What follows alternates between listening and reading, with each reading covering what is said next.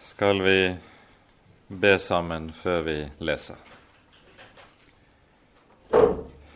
Ja, kjære du vår Gud, du hellige og trofaste Far.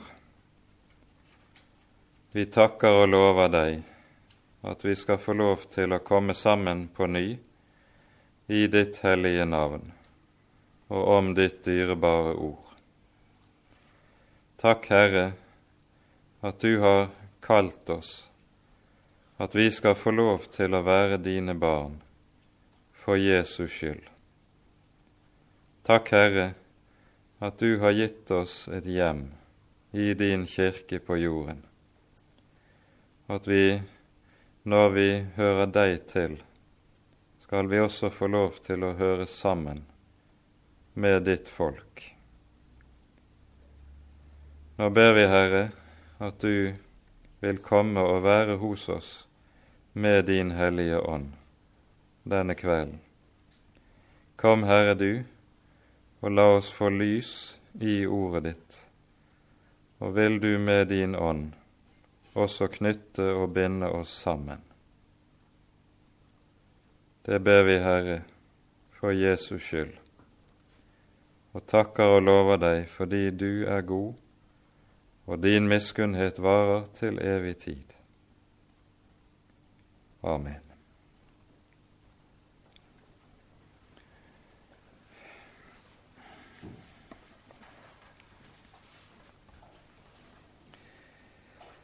Vi leser da de seks første versene i det fjerde kapitlet i Efeserbrevet i Jesu navn. Jeg formaner dere altså, jeg, den fangne i Herren, at dere vandrer så som verdig er for det kall dere er kalt med, med all ydmykhet og saktmodighet, med langmodighet så dere tåler hverandre i kjærlighet. Idet dere legger vind på å bevare Åndens enhet i fredens sambånd. Ett legeme og én ånd, like som dere òg er kalt med ett håp i deres kall. Én Herre, én tro, én dåp en Gud og alles Far, Han som er over alle og gjennom alle og i alle. Amen.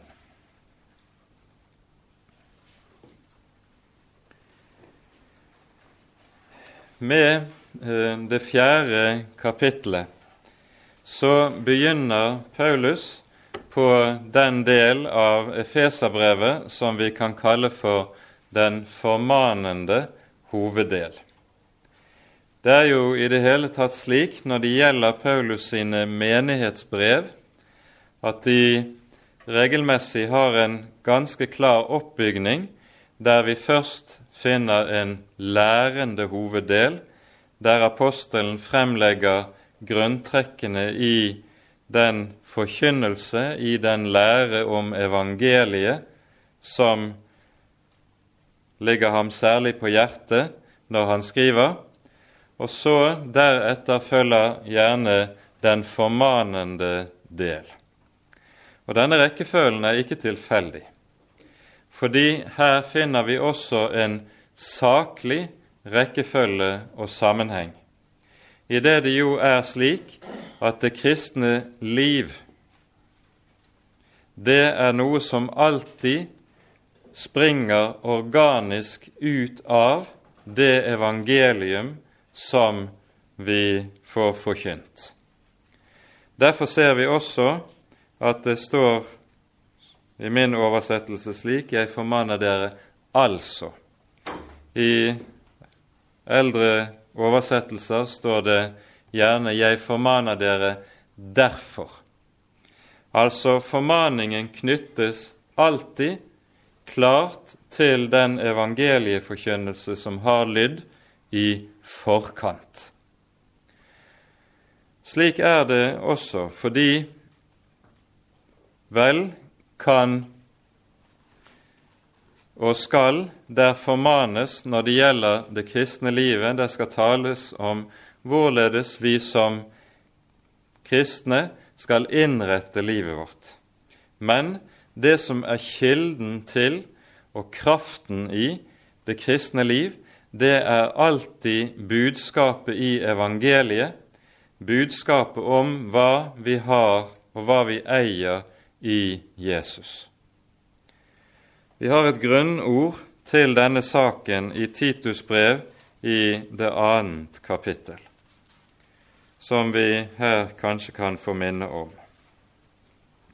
Her sies det slik i fra vers 11.: For Guds nåde er åpenbart til frelse for alle mennesker, idet den opptukter oss til å fornekte ugudelighet og de verdslige lyster å leve tuktig, rettferdig og gudfryktig i den nåværende verden, mens vi venter på det salige håp og åpenbaringen av den store Guds og vår Frelser Jesu Kristi herlighet.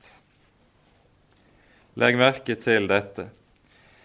Her sies det altså at det som opptukter til et rett kristent liv, det er ikke loven. Det er ikke formaningsforkynnelsen, men det er nettopp det som her sies, det er Guds nåde som utvirker dette i det kristne livet. Og Dermed så ser vi igjen det som er det grunnleggende skillet mellom lov og evangelium. Loven krever hellighet av oss, men den er ikke i stand til å gi det eller skape det i våre liv. Det er det kun evangeliet som kan gjøre. Derfor står det altså at det er Guds nåde som opptukter slik. Det er dette, denne måten å tenke på som altså ligger bak når Paulus begynner denne formanende hoveddel i Efeserbrevet som han her gjør. Jeg formaner dere altså eller derfor. Det er det første vi merker. For det annet så skal vi være klar over at Det nye testamentets ord for, som i våre bibler gjerne er omsatt med å formane, det har en langt rikere og videre betydning enn det som det vanligvis Eh, er i vårt språk. Hos oss betyr formane, eller smaker ordet formane, gjerne av pekefinger. Og eh, det er jo i tråd med det man gjerne taler om at man skal si noen et paulig ord, og da mener man nettopp denne pekefingertalen. Det er det som gjerne ligger i i eh, den norske måten å tenke slik. Men det greske ordet, det kan bety både å trøste og tilskynde, og ikke minst kan det bety å oppmuntre. Og det er det som vel er saken i formaningstalen i Det nye testamentet det er den apostoliske oppmuntring med tanke på det kristne livet. Jeg tror det kan være godt for oss å ha den bety siden ved dette ordet i, klart i minne, for det gir en mye mer, skal vi si, positiv valør til hele begrepet enn det vår vanlige norske språkbruk gjerne fører med seg. Deretter så merker vi oss at Paulus også understreker på ny i denne sammenhengen at han er i lenker. Jeg formaner dere altså, jeg, den fangne i Herren. Og Her ordlegger grunnteksten seg slik at det likesom er satt strek under 'jeg'. Det er, Med dette vil Paulus si det er som den som er fanget i Herren, han formaner. Med det sier han to ting. For det første så peker han på at den tro som, og det evangelium som han forkynner, det er et budskap som alltid har en bestemt omkostning med seg for alle som tar imot det. Jesus sier jo også uttrykkelig 'Den som ikke tar opp sitt kors og følger etter meg, er meg ikke verd'. Evangeliet vil alltid ledsages av bestemte omkostninger for den som tar imot det og lever i det. For det andre ligger det den, den sak i det at Paulus med dette ikke bare peker på at han nå sitter i fengsel for evangeliets skyld, men det betyr også at han så å si er fanget av Herren Jesus. Det er det som ligger i det når Paulus gjerne innleder brevene med å gi seg selv tittelen Jesu Kristi tjener, står det jo gjerne i våre oversettelser. Bokstavelig står det i grunnteksten Jesu Kristi trell. Og Det som kjennetegner en trell, slik situasjonen var i oldtiden, det var at en trell det var en som var eiet av en annen. En trell var ikke sin egen herre. Han tilhørte en annen med hud og hår. Og når Paulus altså sier om seg selv Jesu Kristi trell, eller som her Jesu Kristi fange, så peker han på det grunnleggende som kjennetegner det kristne livet. Det å komme til tro på evangeliet, det innebærer at da er jeg ikke lenger min egen herre. Da er det kommet en ny herre, en annen herre i mitt liv. Det er Jesus som er min herre og min frelser. Hele syndefallet består jo dypest sett i at mennesket løsriver seg fra Gud for nettopp som løsrevet, som selvstendig skapning, og leve uavhengig av ham og slik kunne være egen herre. Det er noe av det grunnleggende i syndefallet, det. Og det å bli frelst fra synden, det innebærer at nettopp denne selvstendighetserklæring i forhold til Gud, den annulleres. Det er Herren som får tilbake rettmessige, sin rettmessige plass i mitt liv. Han er min Gud, jeg er hans barn, jeg er hans trell, jeg er hans tjener. Jeg tilhører ham. Og så er det altså som den som tilhører Herren, han formaner. Og hvem er det han formaner? Jo, en menighet som er kommet i nøyaktig samme stilling. De tilhører også Herren. De er ikke sine egne herrer, de heller. Og så kommer, hører vi det som er den grunnleggende kristne formaning.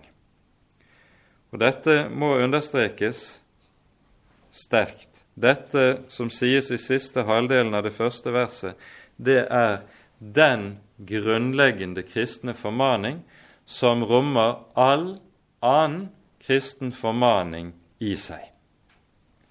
Han sier, 'Dere skal vandre så som verdig er for det kall dere er kalt med.' Vi skal vandre verdige for det kall vi er kalt med. Hva slags kall er det vi da er kalt med? Vi kan eh, lese også tilsvarende uttrykkssett i Filippabrevet i det første kapittel. Her sies det slik i vers 27.: Bare før deres liv, således som verdig er for Kristi evangelium. Og hopper vi til Kolossabrevet, også i det første kapittel, der leser vi slik i det tiende verset.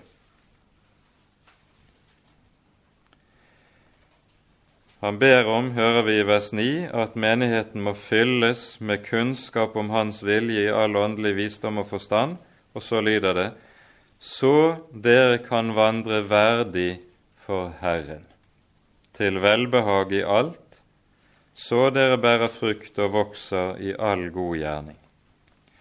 Dette uttrykkssettet dukker opp en rekke andre steder også i Det nye testamentet, men vi behøver ikke å lese alle. Hva innebærer dette? Det sikter til det at det skal være et grunnleggende samsvar mellom hvordan vi innretter livet, og hva det er som er vår tro og vårt kall, det evangelium som livet er tuftet på. Når det sies 'vandre verdig for', da sies det altså det skal være samsvar mellom. Og dette samsvar det uttrykkes på mange måter helt konkret og klart i Det nye testamentet. For eksempel så har vi en annen måte å uttrykke dette på, like som Jesus sier til disiplene jeg, dere er ikke av verden, like som jeg ikke er av verden. Dette likesom plasserer de kristne, de troende, i nøyaktig samme stilling som Jesus i forhold til denne verden. Jesus sier, 'Som jeg har elsket dere, så skal dere elske hverandre'. Hvordan er det Jesus har elsket oss? Det er jo det som kommer til uttrykk i budskapet i evangeliet som er oss overgitt. Og så sies det således skal det være samsvar mellom hvordan vi forholder oss til hverandre. Slik Han har gjort, så skal vi. I første Peters brev leser vi slik i det første kapitlet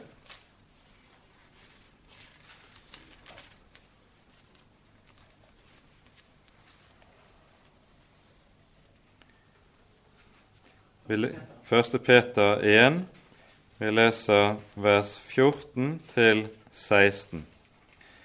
Som lydige barn skal dere ikke skikke dere etter de forrige lyster, i deres vankundighet, men vær etter den hellige som kalte dere, også dere hellige i all deres ferd. For det er skrevet:" Dere skal være hellige, for jeg, Herren, er hellig. Altså, dette peker på dette samsvaret mellom hva vi er kalt til, og hvorledes det skal komme til uttrykk i det kristne livet.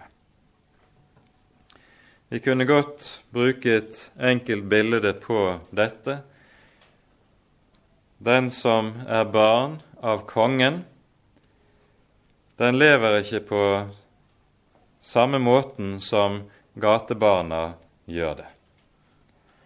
Det at en prins nettopp er kongebarn, det gir seg til uttrykk i alle sider ved livet, og som gjør at dette kongebarnet da vil leve ganske annerledes enn det som, la oss si, et gatens barn vil kunne komme til å gjøre det.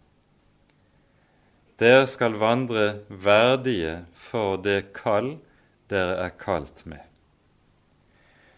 Noe som altså konkret betyr og innebærer for vår del også, når vi er kongsbarn, så betyr det at alt det som er nedrig, alt som er lavt, som er simpelt, som er uverdig, er noe som skal unngås av oss som Guds folk.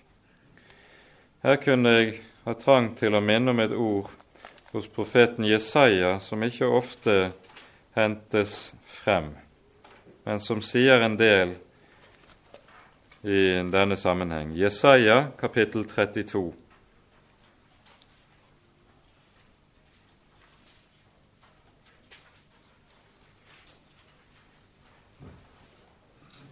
Jesaja 32.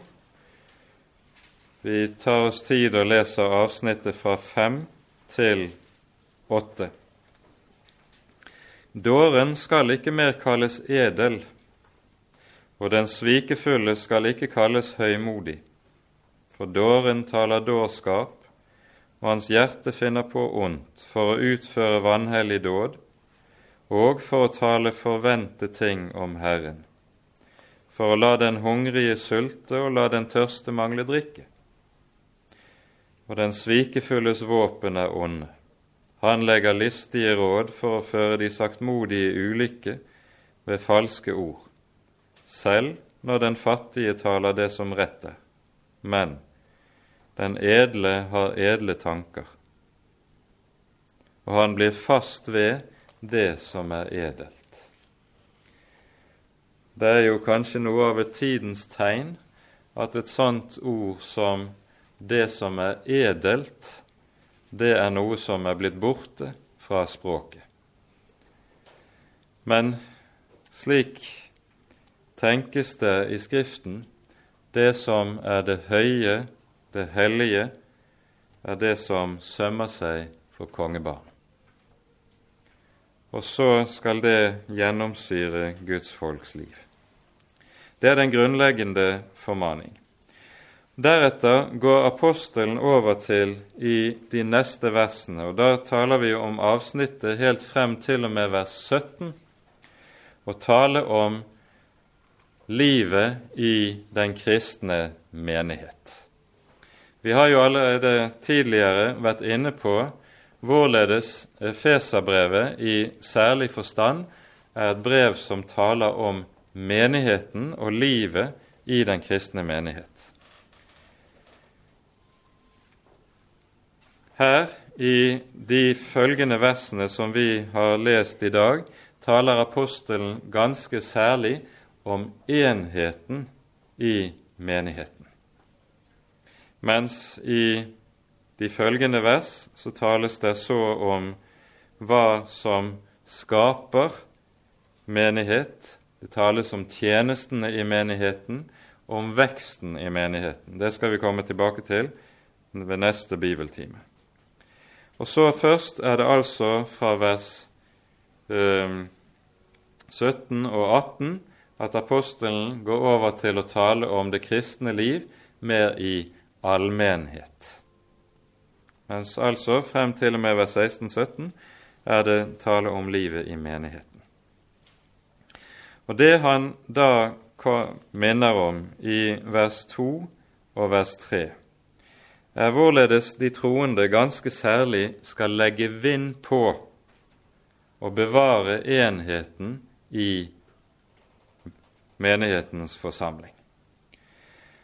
Det skjer ved at han først i vers 2 peker på hvorledes eller hvilket sinnelag som skal prege oss som kristne for at vi skal kunne bevare enheten. Og Her nevnes det en rekke ulike begreper som er ganske grunnleggende. Det er tale om ydmykhet, om saktmodighet, langmodighet og å tåle hverandre. Og alt dette skal så skje i kjærlighet.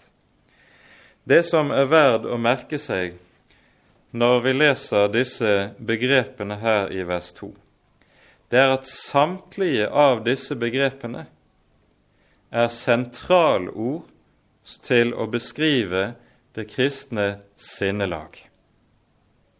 Og Samtidig var det også slik i datidens hedenskap i Romerriket at det ikke var én en eneste av disse begrepene som var sett på som noe attråverdig eller høyverdig for et menneske. Det å være ydmyk, saktmodig eller tåle andre mennesker, det var sett på som noe som bare svake eller foraktelige mennesker gjorde. Det er jo slik at ordet ydmykhet, slik det brukes i Det nye testamentet, det står i motsetning til ordet hovmot, det som vi gjerne kaller for selvbevissthet, eller det å ha et stort ego. Den som slik har det vi gjerne kaller for et stort ego, det er et menneske som kan tillate seg å opptre krevende overfor andre mennesker, som kan tillate seg å søke å tvinge sin egen vilje igjennom overfor andre mennesker, og slik kommer det til uttrykk i herskesyke og hersketrang. Og Det var nettopp noe som i høy grad var et mål for mennesker i oldtidens hedenskap. Den sterke og den stolte, han skulle nettopp kunne gjøre seg selv klart gjeldende overfor andre mennesker. Det var sett på som et ideal. Med evangeliet lyder det motsatte. Det er tale om ydmykhet. Så hører vi det neste begrepet som dras frem, det er ordet saktmodighet. Det står i motsetning til det som vi kaller for selvhevdelse, og som alltid ytrer seg i at et menneske søker å albue seg frem gjennom livet, gjerne på bekostning av andre. Det kommer til uttrykk i frekkhet overfor andre mennesker. Det er motsetningen til saktmodighet. Saktmodighet, slik det beskrives i Den hellige skrift, så er det et sinnelag som har det med seg at det bier på Herren. Og Derfor søker det ikke å fremme sin egen vilje. Vi leser i Salme 37, 5, Sett din vei i Herrens hånd, og stol på ham, han skal gjøre det. Og Dette sies nettopp i denne salmen som noe et Guds barn skal gjøre i møte med hvem? Jo, med onde mennesker, som nettopp lønner godt med ondt. Og så er det David gir uttrykk for dette sett din vei i Herrens hånd. Og stol på ham, han skal gjengjelde det. Det er dette som også ligger bakom når Jesus taler om at vi ikke skal hevne oss på den som gjør ondt imot oss. Det er rett og slett fordi det å hevne seg, det er ikke vår sak. Hvis det skal være hevn eller dom eller straff, så er det Guds sak, ikke vår. Vår sak er også å gjengjelde ondt med godt, sier Jesus, så langt det er mulig. Og Dette kommer da til uttrykk i det saktmodige sinnelaget som nettopp ikke er preget av selvhevdelse. Dernest hører vi om langmodigheten. Det er et ord som også var absolutt uspiselige i oldtidens hedenskap. Vi vet jo godt hva ordet tålmodighet betyr. Ordet langmodighet det betyr å øve tålmodighet gjennom lang tid, nemlig langt utover det som vil være naturlig, og som en kan forvente seg. Det er langmodighet. Og Da er det vel verd å merke seg hvor ofte nettopp dette ordet langmodighet brukes i Det nye testamentet. Det som er idealet for mennesker som ikke lever med Herren, det er jo gjerne det motsatte. Vær utålmodig menneske. Utålmodighet med andre mennesker. Utålmodighet med egen skjebne. Utålmodighet med de ulike forhold i tilværelsen som ikke går den veien vi ville ønske eller håpe. Vær utålmodig menneske er gjerne stikkordet. Men det bibelske er altså langmodighet. Og ikke minst langmodighet i forhold til vår neste. Til sist sies det altså så dere tåler hverandre i kjærlighet. Å tåle hverandre i den kristne menighet, det er noe som i høy grad er nødvendig. For hva er det den kristne menighet består av? Den består jo slett ikke kun av hellige dydsmønstre. Den kristne menighet er en forsamling som består av syndere som har fått nåde. Og Derfor er det også slik at synden også stadig og ofte vil komme til uttrykk også innad i den kristne menighet. Da er det om å gjøre for Guds folk med tanke på nettopp å bevare enheten, at vi også skal lære å tåle hverandre i kjærlighet. Overbærenhet, langmodighet i forhold til de øvrige lemmer i menigheten er grunnleggende viktig. Og så hører vi i neste vers da hvordan dette, eller hva som er saken i dette. I det dere legger vind på å bevare Åndens enhet i fredens sambånd. Vi merker oss hvorledes apostelen her taler om at nettopp det å bevare enheten innad i Guds folk, det er av grunnleggende betydning. Og Derfor sies det altså 'legg vind på'.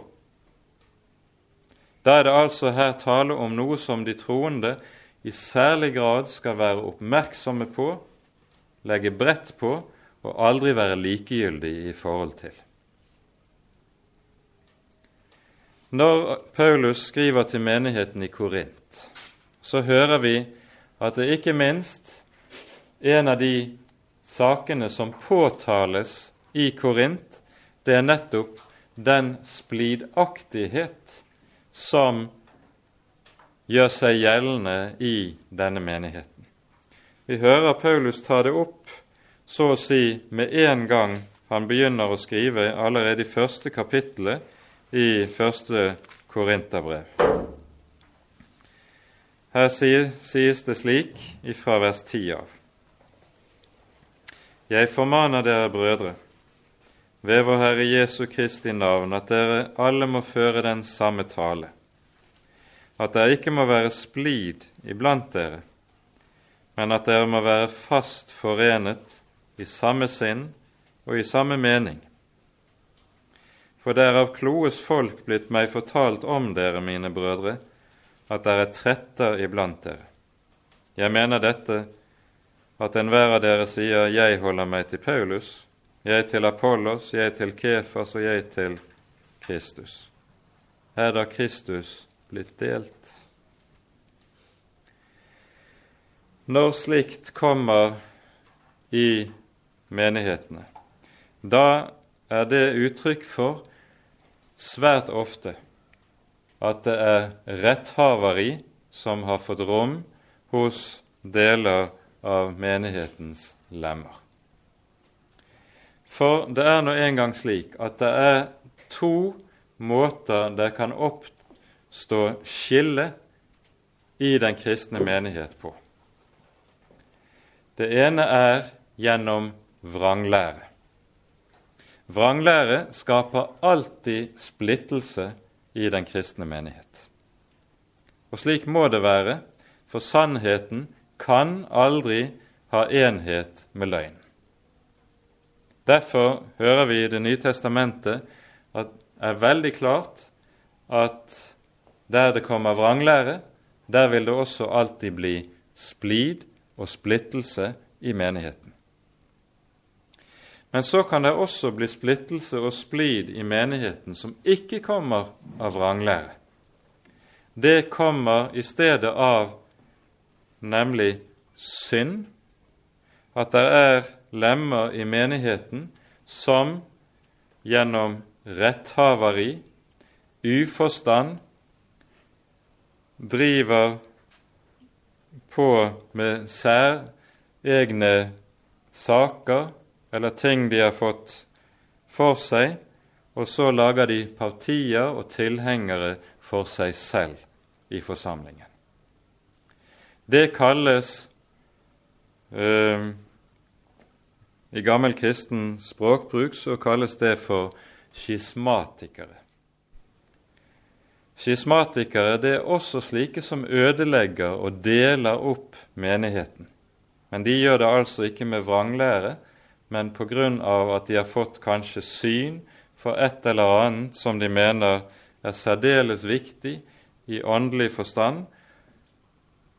Det er ikke vranglære det de hevder, men så danner de seg partier, og så kan de på den måten ødelegge menigheten. Og så er det altså det sies alt slikt skal Guds folk vokte seg for. I stedet legg vind på, legg vind på å bevare Åndens enhet i fredens sambånd.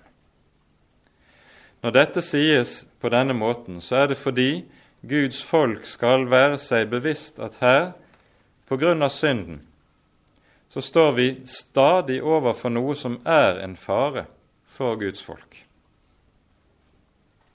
En av de sakene som f.eks.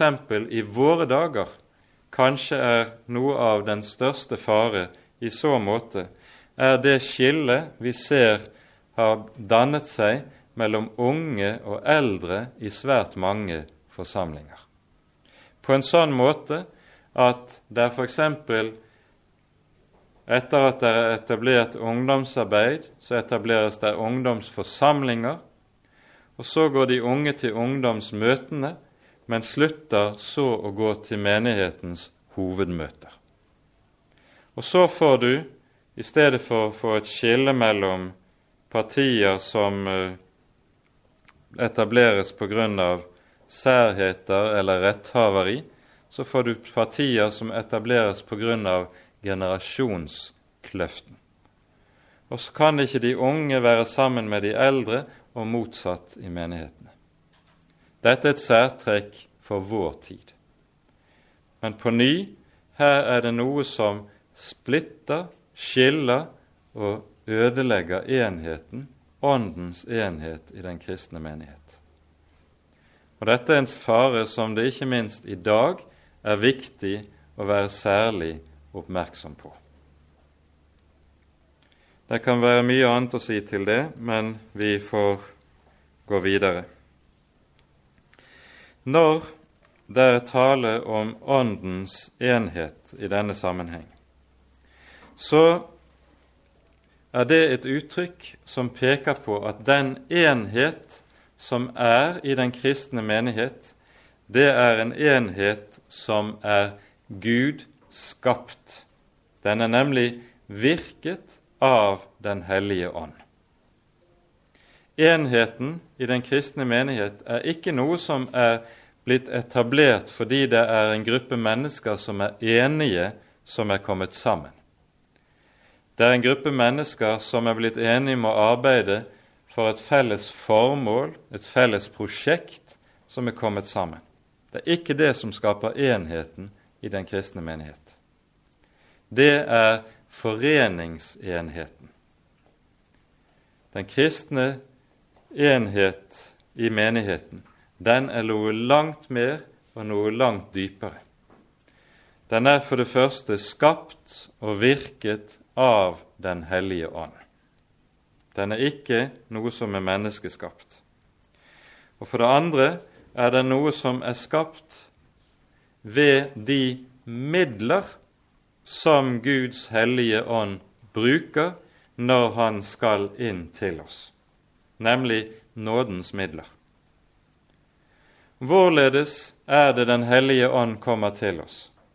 Han kommer til oss gjennom nådemidlene, dvs. Si gjennom Den hellige dåp, gjennom Den hellige nattverd og gjennom Guds levende ord.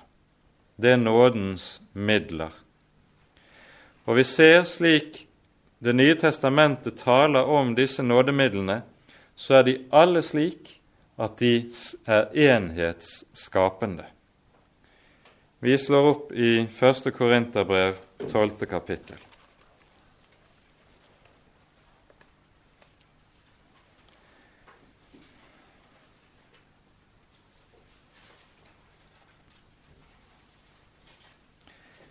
Her hører vi i vers 13 om hvorledes dåpen nettopp er slik. Vi er jo alle døpt med en ånd til å være ett legeme, enten vi er jøder eller grekere, enten vi er treller eller frie, og vi har alle fått én ånd å drikke. Her legger vi altså merke til at dåpen er enhetsskapende. Og ved dåpen er det vi altså legges til menigheten, innføyes i Kristi legeme, slik at vi blir ett med Kristi legeme og dermed med alle andre kristne. Det samme sies om Den hellige nattvær, og da leser vi i 1. Korinterbrev 10. kapittel. Her står det sånn i vers 16 og 17. Velsignelsens kalk, som vi velsigner, er den ikke samfunn med Kristi blod? Brødet som vi bryter, er det ikke samfunn med Kristi legeme? Fordi der er ett brød, er vi ett legeme, enda vi er mange, for vi har alle del i det ene brød. Det vi altså merker oss her, det er at nattværen også er et slikt enhetens måltid. Nattværen er både enhetsskapende, samtidig som den også er uttrykk for enheten i Guds folk. I Oldkirken så hadde dette et veldig bestemt uttrykk. Det var nemlig slik at ingen skulle gå til nattvær i de helliges forsamling dersom det var strid mellom brødre i menigheten. Og Derfor, hvis det var noe strid mellom noen i menigheten, så var de absolutt forpliktet til å forlike seg med sin bror før de eventuelt gikk til nattverdbordet. Og Dette fikk også det uttrykk i den kristne gudstjenesten at før en gikk til nattverd, så skulle en rekke hverandre broderhånd. For nettopp å si vi ligger ikke i strid, vi er brødre som lever i åndens enhet og i fredens sambånd. Og så var fredshilsen en uhyre viktig del nettopp av nadværliturgien for å uttrykke dette. Vi er ett legeme. Det kunne kanskje vært en tanke å fått det på plass igjen og inn igjen, som de første kristne gjorde. Det siste som vi minner om i denne sammenheng, er at også Guds ord, evangeliet, der det lyder, så er det også et slikt enhetsskapende middel. Vi leser i 1. Johannes brev, første kapittel.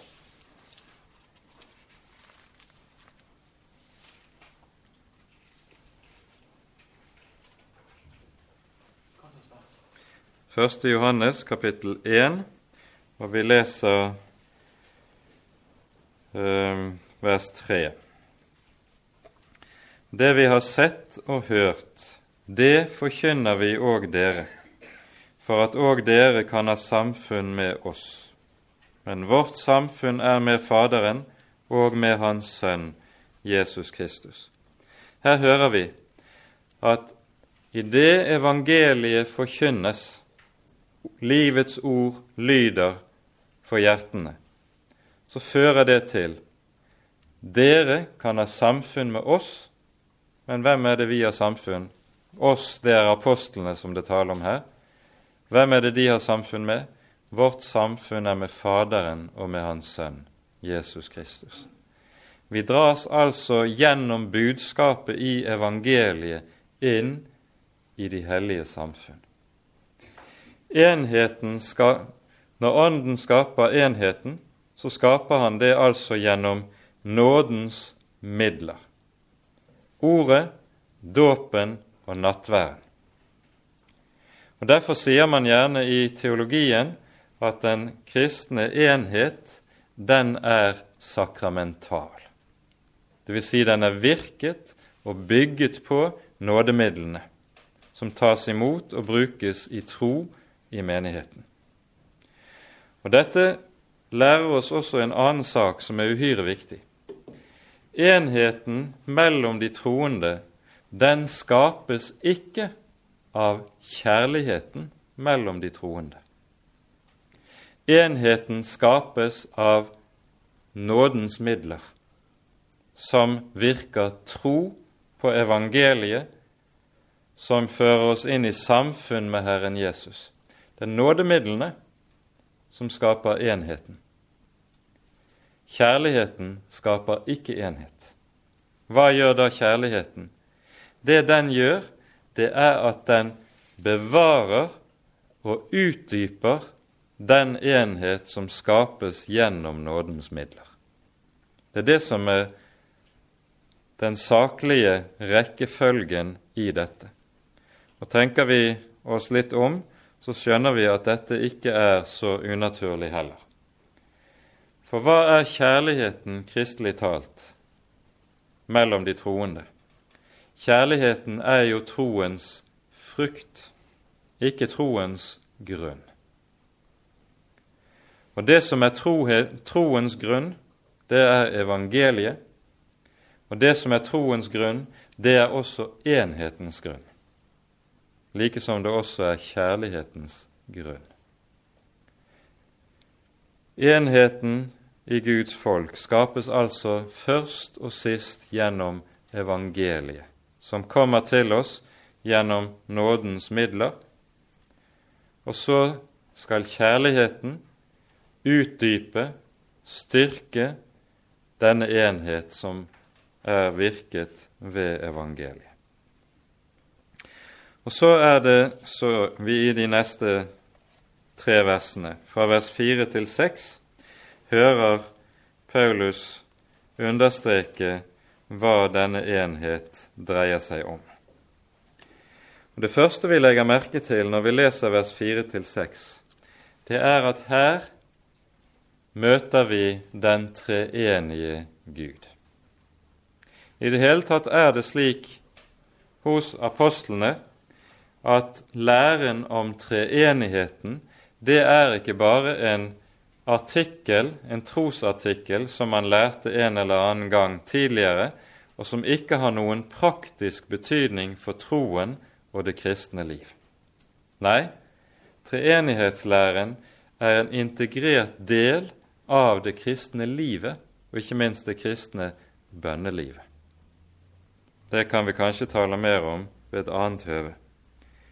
Men her hører vi altså i vers 4 om Ånden vers 5 Herren, det er Jesus, og 6 Faderen.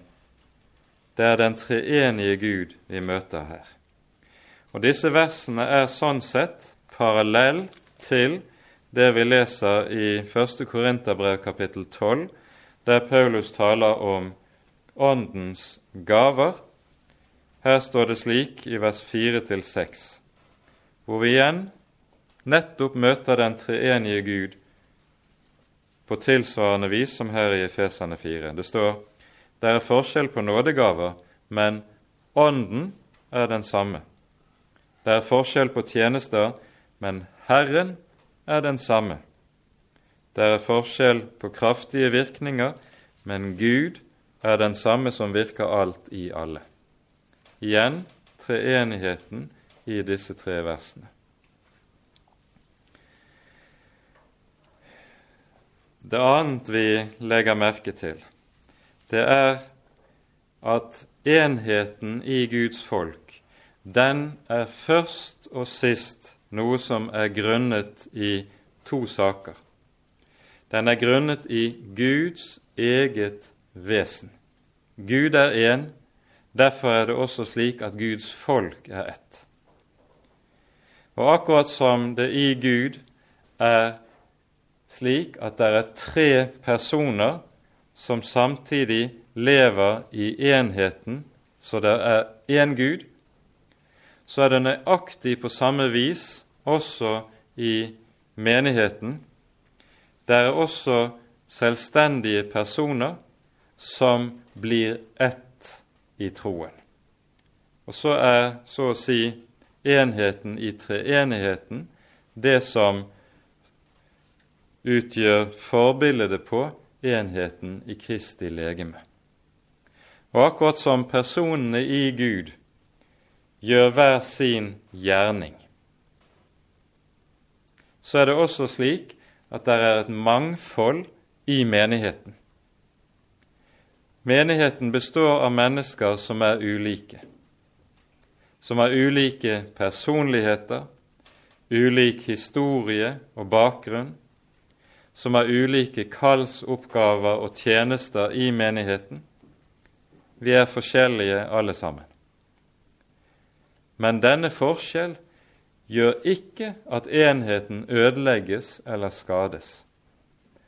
Tvert om er det slik at dette mangfold er noe som også er med å utdype og fargelegge enheten i Guds folk.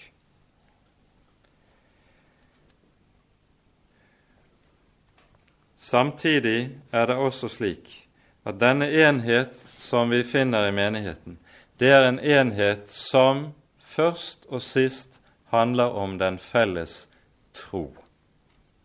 I vers 5 står det slik Én Herre, én tro, én dåp. Vi er forskjellige som mennesker og skal være det. Og disse forskjellene skal ikke bare respekteres, men de skal verdsettes høyt. For det er den utrustning som Gud har skapt hver enkelt av oss med, og eventuelt også utrustet med med tanke på nådegaver. Men troen er én, og skal også være én. Hvilket innebærer at selv om menigheten alltid vil bestå av et mangfold, så er likevel menighetens tro og bekjennelse den er aldri pluralistisk. Og Det er jo her vi f.eks. står overfor noe av det som er grunnproblemet i så godt som alle moderne kirker i Vesten.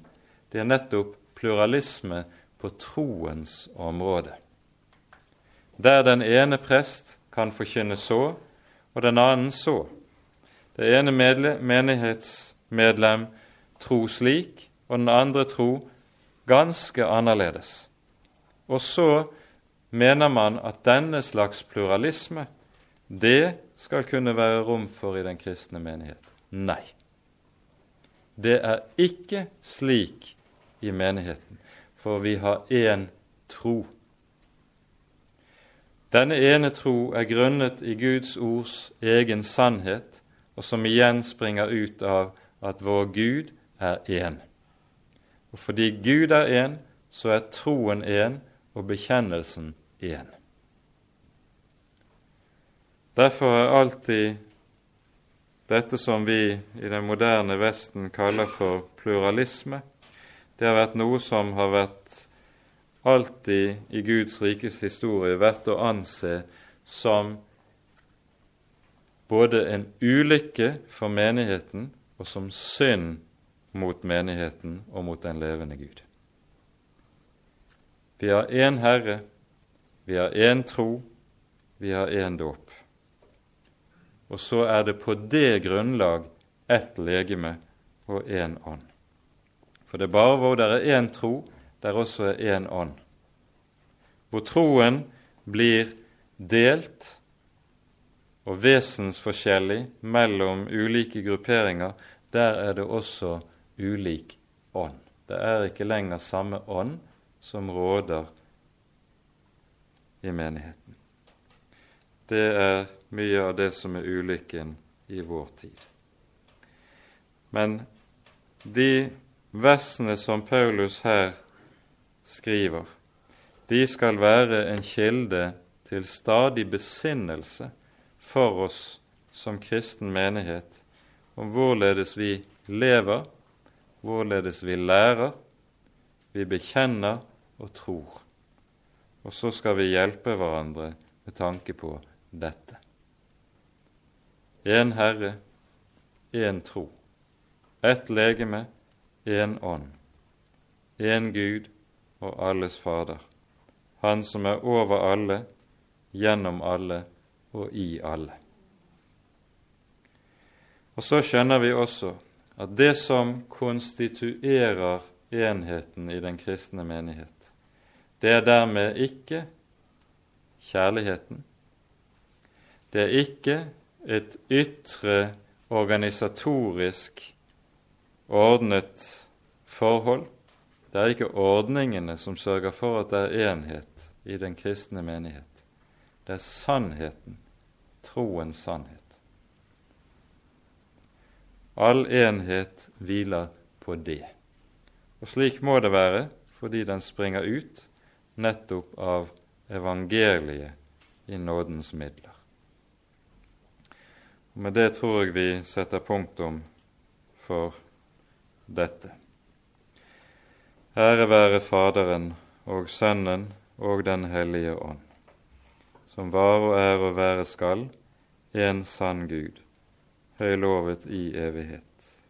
Amen.